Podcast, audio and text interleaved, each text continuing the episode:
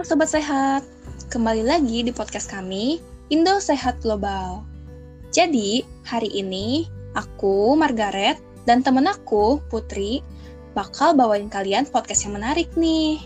Kira-kira tentang apa ya? Hmm, oke. Okay. Jadi, hari ini podcastnya tentang kehamilan. Kita bakal kupas nih, faktor-faktor kehamilan, tips-tips kehamilan, Bahkan, sampai mitosnya pun akan kami bahas. Oke, tanpa berlama-lama lagi, selamat mendengarkan podcast kami ya, Sobat Sehat. Um, Kak Putri, aku mau nanya dong, kalau beberapa pasangan mengalami problem seperti udah nikah, tapi kok belum punya anak juga ya? Sebenarnya apa aja sih yang menyebabkan pasangan tidak langsung mendapatkan keturunan setelah berhubungan seksual secara aktif? Apakah itu berarti tidak subur? Uh, jadi begini, sebenarnya mungkin itu ada beberapa faktor. Jadi nggak cuma pakem di satu faktor aja. Contohnya, yang pertama itu pastinya faktor dari kesuburannya itu sendiri. Bisa aja pasangan ini berhubungan di saat sang istri tidak dalam masa suburnya. Atau bisa juga ada masalah biologis loh. Misalnya permasalahan pada sel telur, permasalahan pada tuba falopi, atau bahkan permasalahan pada rahim sang perempuan. Sedangkan pada laki-laki bisa saja ada pada masalah pada testisnya, sperma, atau pada masalah ejakulasi. Lebih parahnya bisa juga ada kemungkinan terkena tumor atau kanker yang mempengaruhi kelenjar pituitari yang menghambat hormon reproduksi. Dalam hal ini, itu harus dikonsultasiin ke dokter dan kita tuh harus bikin program hamil tetapi Sebenarnya kejadian kehamilan pada pasangan suami istri yang sehat dan subur setelah berhubungan seksual tanpa alat kontrasepsi itu sebenarnya angkanya cukup rendah loh, cuma 15 sampai 20% saja. Sedangkan 37,3% itu ada pada 3 bulan pertikahan. Lalu selanjutnya eh, uh, 75% pasangan baru mendapat di 6 bulan pertama. Dan yang paling banyak nih, 85% kehamilan itu terjadi di satu tahun pertama. Sehingga bukan berarti sudah menikah tapi belum hamil itu ada permasalahan pada kesuburan atau terjadi infertilitas ya. Tapi berdasarkan data yang tersedia pun memang kebanyakan pasangan akan mendapat kehamilan pertamanya pada usia di atas satu tahun setelah usia pernikahan. Jika setelah satu tahun awal masih belum hamil, mungkin memang terjadi infertilitas dan perlu pemeriksaan lebih lanjut di dokter. Hmm, gitu. Oke, makasih Kak Putri penjelasannya. Oke, selanjutnya aku nih yang mau nanya ke kamu, kalau misalnya di dunia kesehatan tuh ada kategori nggak sih tentang kesuburan? Um, sama kira-kira ciri-cirinya itu kayak gimana ya?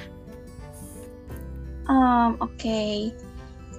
jadi infertilitas sendiri dapat dipahami sebagai gangguan kesuburan, yang mana jika dalam jangka waktu satu tahun, walaupun pasangan aktif berhubungan seksual secara rutin tanpa alat kontrasepsi, tetapi belum terjadi pembuahan atau kehamilan.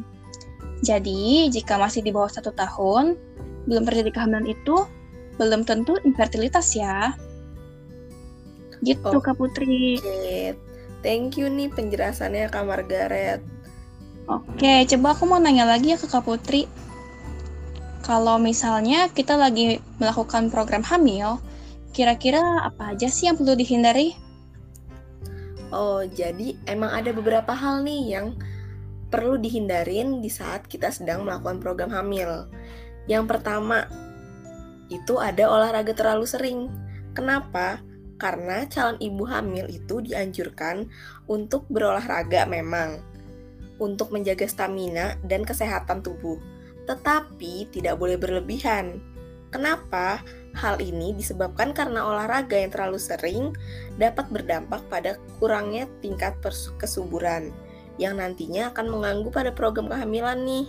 Idealnya sebenarnya olahraga ini lebih baik diguna dilakukan dengan durasi 20 sampai 30 menit dan hanya dilakukan 2 sampai 3 kali seminggu aja sih cukup. Nah, yang kedua ini ada hindari konsumsi kafein dan alkohol. Serta merokok juga nggak boleh berlebihan nih. Karena konsumsi kafein yang berlebihan ini bisa mempengaruhi kesuburan. Apalagi uh, pada dosis-dosis yang terlalu tinggi. Dosis yang disarankan untuk mengkonsumsi kafein ini ada pada 200 mg kafein per harinya atau kalau misalnya kita konversikan yaitu 2 gelas kopi sehari. Itu maksimal. Lalu untuk konsumsi alkohol sama rokok kalau bisa itu dihindarin banget karena alkohol sama rokok bisa banget menurunin kualitas sperma sama kalau pada wanita bisa meningkat menurunkan kesuburan. Lalu selanjutnya itu ketiga ada hindari konsumsi makanan apa ataupun penggunaan obat luar dengan kandungan merkuri. Kita semua tahu dong kalau misalnya merkuri ini kandungan yang jahat banget kalau misalnya uh, dikonsumsi secara tidak langsung oleh ibu hamil atau bahkan penggunaan luar seperti penggunaan skincare kan cewek-cewek banyak nih yang suka pakai skincare terus nggak sadar ternyata di dalamnya ada kandungan merkurinya itu kalau misalnya emang lagi program hamil di stop dulu karena kalau gitu nanti bisa nurunin tingkat kesuburan dan bahkan bisa berakhir kita itu nggak bisa hamil atau infertilitas.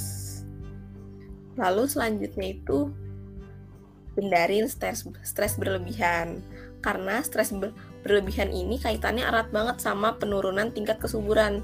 Salah satu alasannya adalah karena stres bisa membuat menstruasi tidak teratur sehingga sulit untuk menentukan masa subur. Lalu yang terakhir itu adalah hindari menggunakan pelumas saat berhubungan seksual karena pelumas ini bisa mengganggu pergerakan sperma untuk mencapai sel telur di dalam rahim rahim da dan membuahinya. Gitu kira-kira Kak Margaret. Wih, lengkap juga ya penjelasannya. Thank you Kak Putri. Oke. Okay. Uh, selanjutnya aku mau nanya nih sama Kak Margaret kira-kira di saat melakukan program hamil ada nggak sih tips apa yang harus dilakukan untuk meningkatkan peluang kehamilan? Hmm, oke. Okay. Tips program hamil ya. Oke, okay, jadi yang pertama itu, lakukanlah hubungan badan dengan teratur. Tidak perlu membatasi berhubungan hanya pada waktu subur aja, itu nggak perlu ya. Tetapi, lakukanlah hubungan badan secara rutin. Tetapi, idealnya, karena sperma dapat bertahan hidup dalam rahim selama 2-3 hari, Sedangkan sel telur hanya bisa bertahan hidup selama 12-24 jam. Berhubungan intim 2-3 hari sebelum Anda berovulasi akan memperbesar kehamilan untuk hamil. Nah, kemudian tips yang kedua, buat program hamil dengan mengkonsumsi folavit dan vitamin E. Kombinasi kandungan asam folat dan vitamin E adalah combo untuk meningkatkan kesuburan. Nah, tips ketiga, Cek kesehatan secara rutin. Yang keempat, tracking masa subur dengan menggunakan aplikasi. Kelima, jalani pola hidup yang sehat. Misalnya, berolahraga ringan untuk menjaga stamina tubuh, tidak merokok, tidak minum minuman keras, serta tidak stres yang berlebihan. Kemudian, tips yang terakhir, jangan lupa lepaskan alat kontrasepsi ataupun KB jika sebelumnya pernah melakukan KB.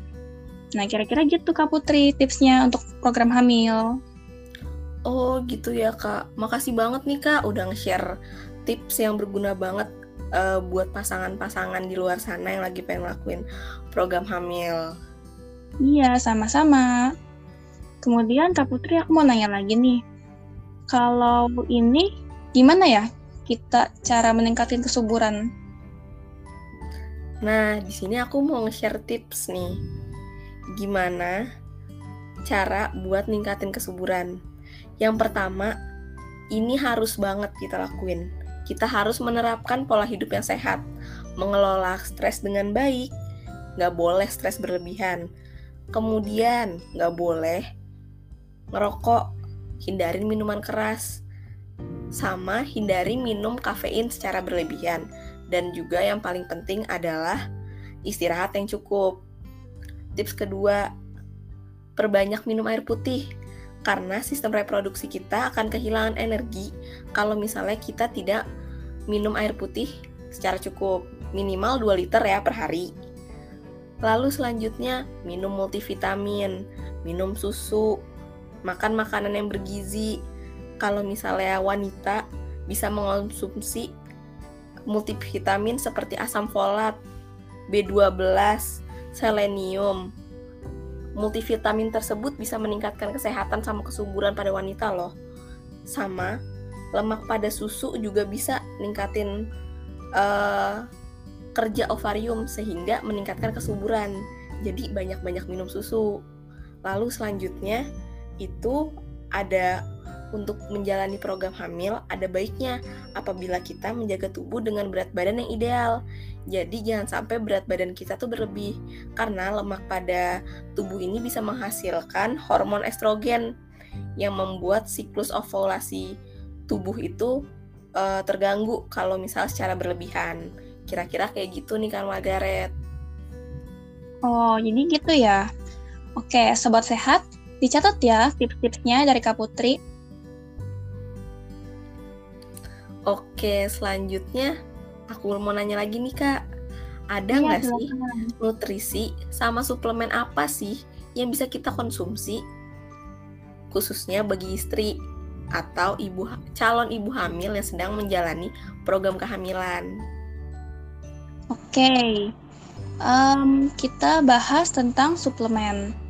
Ini ada lumayan banyak ya. Yang pertama yang harus ibu konsumsi itu ada zinc. Zinc atau seng berperan dalam menjaga keteraturan siklus ovulasi dan tingkat kesuburan wanita. Nah, zinc ini tidak hanya dikonsumsi untuk wanita, tapi juga pada pria, karena zinc ini bisa berperan dalam produksi hormon testosteron dan kualitas air mani serta sperma pada pria. Kemudian, kita boleh konsumsi vitamin B kompleks. Kenapa? Karena vitamin B kompleks ini diyakini dapat membantu ovarium untuk melepaskan sel telur menjelang masa subur. Vitamin B yang penting untuk menjaga kesuburan adalah vitamin B9 atau folat. Dan kami merekomendasikan Folafit serta vitamin B6 Vitamin B6 ini khususnya dipercaya mampu meningkatkan kadar hormon progesteron yang bermanfaat menurunkan risiko komplikasi selama kehamilan. Sedangkan kalau folat berperan penting untuk menjaga kualitas sel telur dan teraturnya menstruasi. Kemudian, ini nutrisi yang ketiga itu adalah kalsium. Kalsium dipercaya dapat membantu memaksimalkan kerja sistem reproduksi, baik pada pria maupun wanita. Yang keempat, ada zat besi. Pastikan agar calon ibu hamil tidak kekurangan zat besi. Karena apa? Karena jika asupan nutrisi ini tidak tercukupi, besar kemungkinan calon ibu hamil terserang anemia. Anemia cenderung mengganggu siklus menstruasi, dan siklus menstruasi yang tidak teratur dapat mengganggu kesuburan wanita. Kemudian, nutrisi yang kelima itu ada vitamin C dan E. Kedua vitamin ini bagus dikonsumsi oleh pria untuk menjaga kualitas sperma.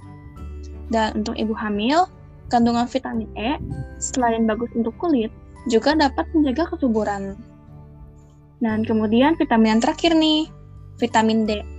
Karena kenapa? Karena kalau kita kekurangan vitamin D, kita akan meningkatkan resiko mengalami gangguan kesuburan atau infertilitas. Nah, itu aja sih Kak.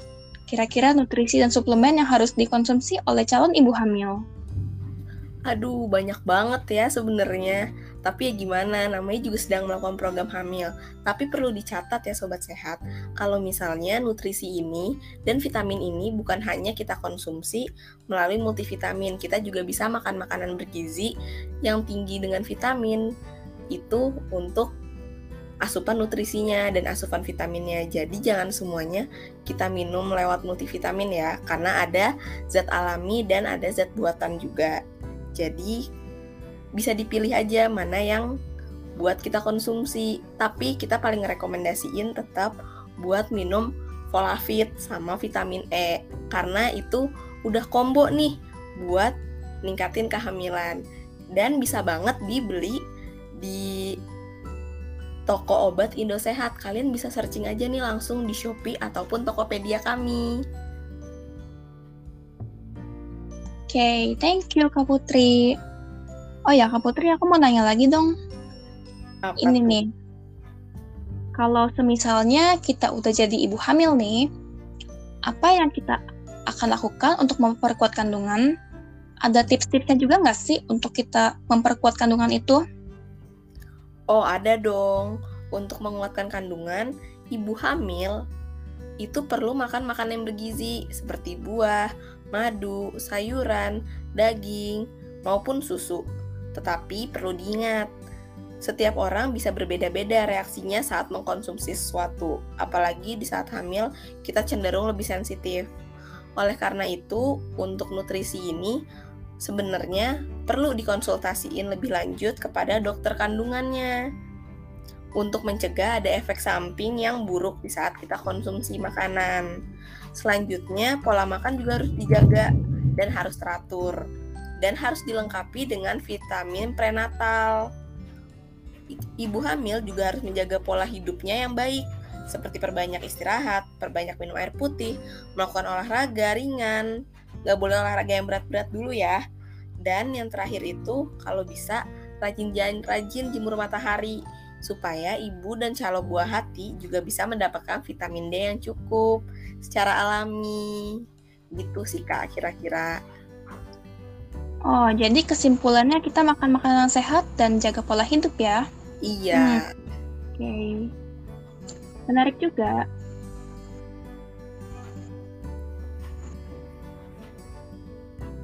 Lalu selanjutnya kita ada sesi berikutnya nih. Kita mau ngebahas soal mitos atau fakta. Sekarang aku mau ngebahas mitos atau fakta guys atau fakta tentang ada nggak sih posisi tertentu yang bisa meningkatkan peluang kehamilan. Kira-kira gimana nih Kak Margaret? Oke, posisi untuk meningkatkan peluang kehamilan. Uh, sebenarnya ini mitos ya, karena posisi mana pun tidak masalah. Tetapi ada nih beberapa posisi uh, yang disarankan untuk dilakukan setelah selesai berhubungan badan. Oke, jadi yang pertama, berbaring sejenak setelah berhubungan intim selama 20-30 menit. Karena ini dipercaya dapat meningkatkan kemungkinan sperma masuk ke rahim dan menyebabkan pembuahan. Kemudian yang kedua, kita bisa menaruh kepala di bawah dan mengangkat kedua kaki sesudah berhubungan badan. Dan posisi yang ketiga, kita bisa mengganjal pinggul dengan bantal setelah berhubungan. Karena posisi ini dapat dipercaya untuk uh, membantu sperma mengarahkan ke rahim. Nah, kira-kira gitu Kak Putri. Oh, oke okay, Kak. Berarti itu mitos ya. Berarti nggak ada posisi tertentu nih yang bisa ningkatin peluang kehamilan. Sebenarnya posisi apa pun bisa cuma tergantung jadi atau enggak. Gitu iya, ya benar benar. Hmm. ya jadi aku mau bahas mitos selanjutnya. Uh, kalau ibu hamil sering melakukan USG itu bisa membahayakan bayi nggak sih? Kira-kira gimana kak Putri? Ini mitos ya karena nggak ada bukti ilmiah yang menunjukkan bahwa USG prenatal itu dilakukan dengan yang dilakukan dengan benar dapat membahayakan ibu dan anaknya yang belum lahir. Karena ultrasonografi ini tidak menggunakan radiasi, melainkan menggunakan gelombang suara frekuensi tinggi yang dapat memantulkan bayi untuk menghasilkan gambar. Jadi ini nggak membahayakan. Tetapi intensitas gelombang itu rendah banget sehingga prosedurnya juga cukup cepat, cukup cepat. Jadi satu-satunya resiko yang dimiliki perempuan hamil itu sebenarnya prosedur yang berkepanjangan yang tidak perlu dan ketika penggunanya itu nggak terlatih mengoperasikan perangkatnya itu bisa bahaya. Jadi bukan karena USG-nya, tapi lebih ke arah apakah ada prosedur yang salah. Gitu aja sih Kak kira-kira. Oke, jadi mitos ya Kak? Iya dong. Terus selanjutnya aku lagi nih yang mau nanya sama Kak Margaret. Iya boleh boleh. mitos atau fakta sih, morning sickness ini uh, cuma terjadi di pagi hari dan hanya pada trimester pertama. Oke, jadi sebelumnya aku bahas dulu nih. Morning sickness adalah gejala kehamilan yang paling sering terjadi dan ditandai dengan mual yang hebat. Hingga 80% perempuan hamil mengalami masalah ini. Um, tetapi hanya 2% saja yang mengalaminya di pagi hari. Terlepas dari namanya, morning sickness dapat terjadi kapan saja dan sepanjang hari. Beberapa ahli bahkan telah mengusulkan menyebutnya penyakit sepanjang hari. Pada sebagian besar kasus, itu berakhir setelah semester pertama. Hingga 20% perempuan hamil mengalaminya sampai melahirkan. Jadi, kalau ditanya, mitos atau fakta sih morning sickness hanya terjadi di pagi hari dan hanya di trimester pertama? Jawabannya adalah mitos. Gitu, Kak Putri. Oke, nice info banget nih, Kak. Thank you infonya. Iya, sama-sama Kak Putri. Kemudian Kak Putri, kalau ini mitos atau bukan ya? Kalau jenis makanan itu bisa jadi penanda jenis kelamin pada bayi. Kira-kira gimana tuh Kak? Itu mitos ya, karena katanya nih kalau misalnya Bumil menyukai makanan manis, katanya sih jenis kelamin bayinya yang lagi dikandung cenderung perempuan. Sedangkan kalau misalnya Bumil menyukai makanan asam seperti mangga muda, katanya yang bakal lahir bayinya itu laki-laki. Padahal perlu diketahui bahwa secara medis tidak ada hubungannya antara konsumsi makanan tertentu dengan jenis kelamin bayi. Selanjutnya, hal yang perlu ibu khawatirin itu sebenarnya adalah kesehatan si buah hati. Untuk menjaga kehamilan dan agar bayi tetap sehat, jangan lupa untuk melakukan pemeriksaan. Dengan begitu, ibu dapat memastikan tumbuh kembang janin selama ke kehamilan dan menghindari hal-hal yang tidak dapat diinginkan. Jadi jangan percaya mitos, itu ya. Gak ada makanan yang bisa nentuin jenis kelamin bayi. Hmm, gitu ya. Wah, berarti mitos di Indonesia kuat juga ya, Kak Putri. Iya nih, makanya kita perlu nih ngasih info buat matah-matahin uh, mitos-mitos atau penyelewengan-penyelewengan info yang ada. Makanya kita kasih tahu di podcast Indo Sehat kali ini. Hmm, gitu ya Kak Putri. Oke deh, makasih ya Kak Putri. Iya, sama-sama. Terus kayaknya kita udah sampai sesi terakhir ya, Kak? Iya. Nggak berasa iya. banget nih. Iya nih, nggak berasa. Tahu-tahu udah sampai ke ujung podcast. Iya. Oke. Jadi, Sobat Sehat, gimana nih tadi podcastnya?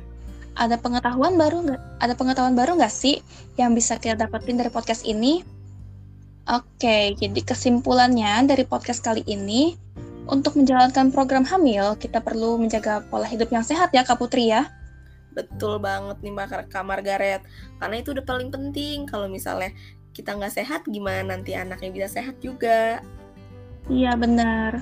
Terus kita juga jangan sampai lupa untuk konsumsi multivitamin. Dan ini kan tadi kita udah bahas mitos-mitos nih. Nah, jangan sampai terkecoh ya.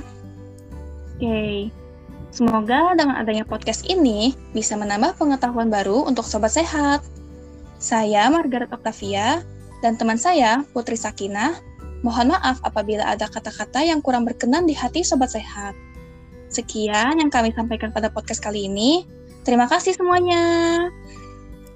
Bye-bye sobat sehat. Ketemu lagi di podcast selanjutnya. Bye-bye.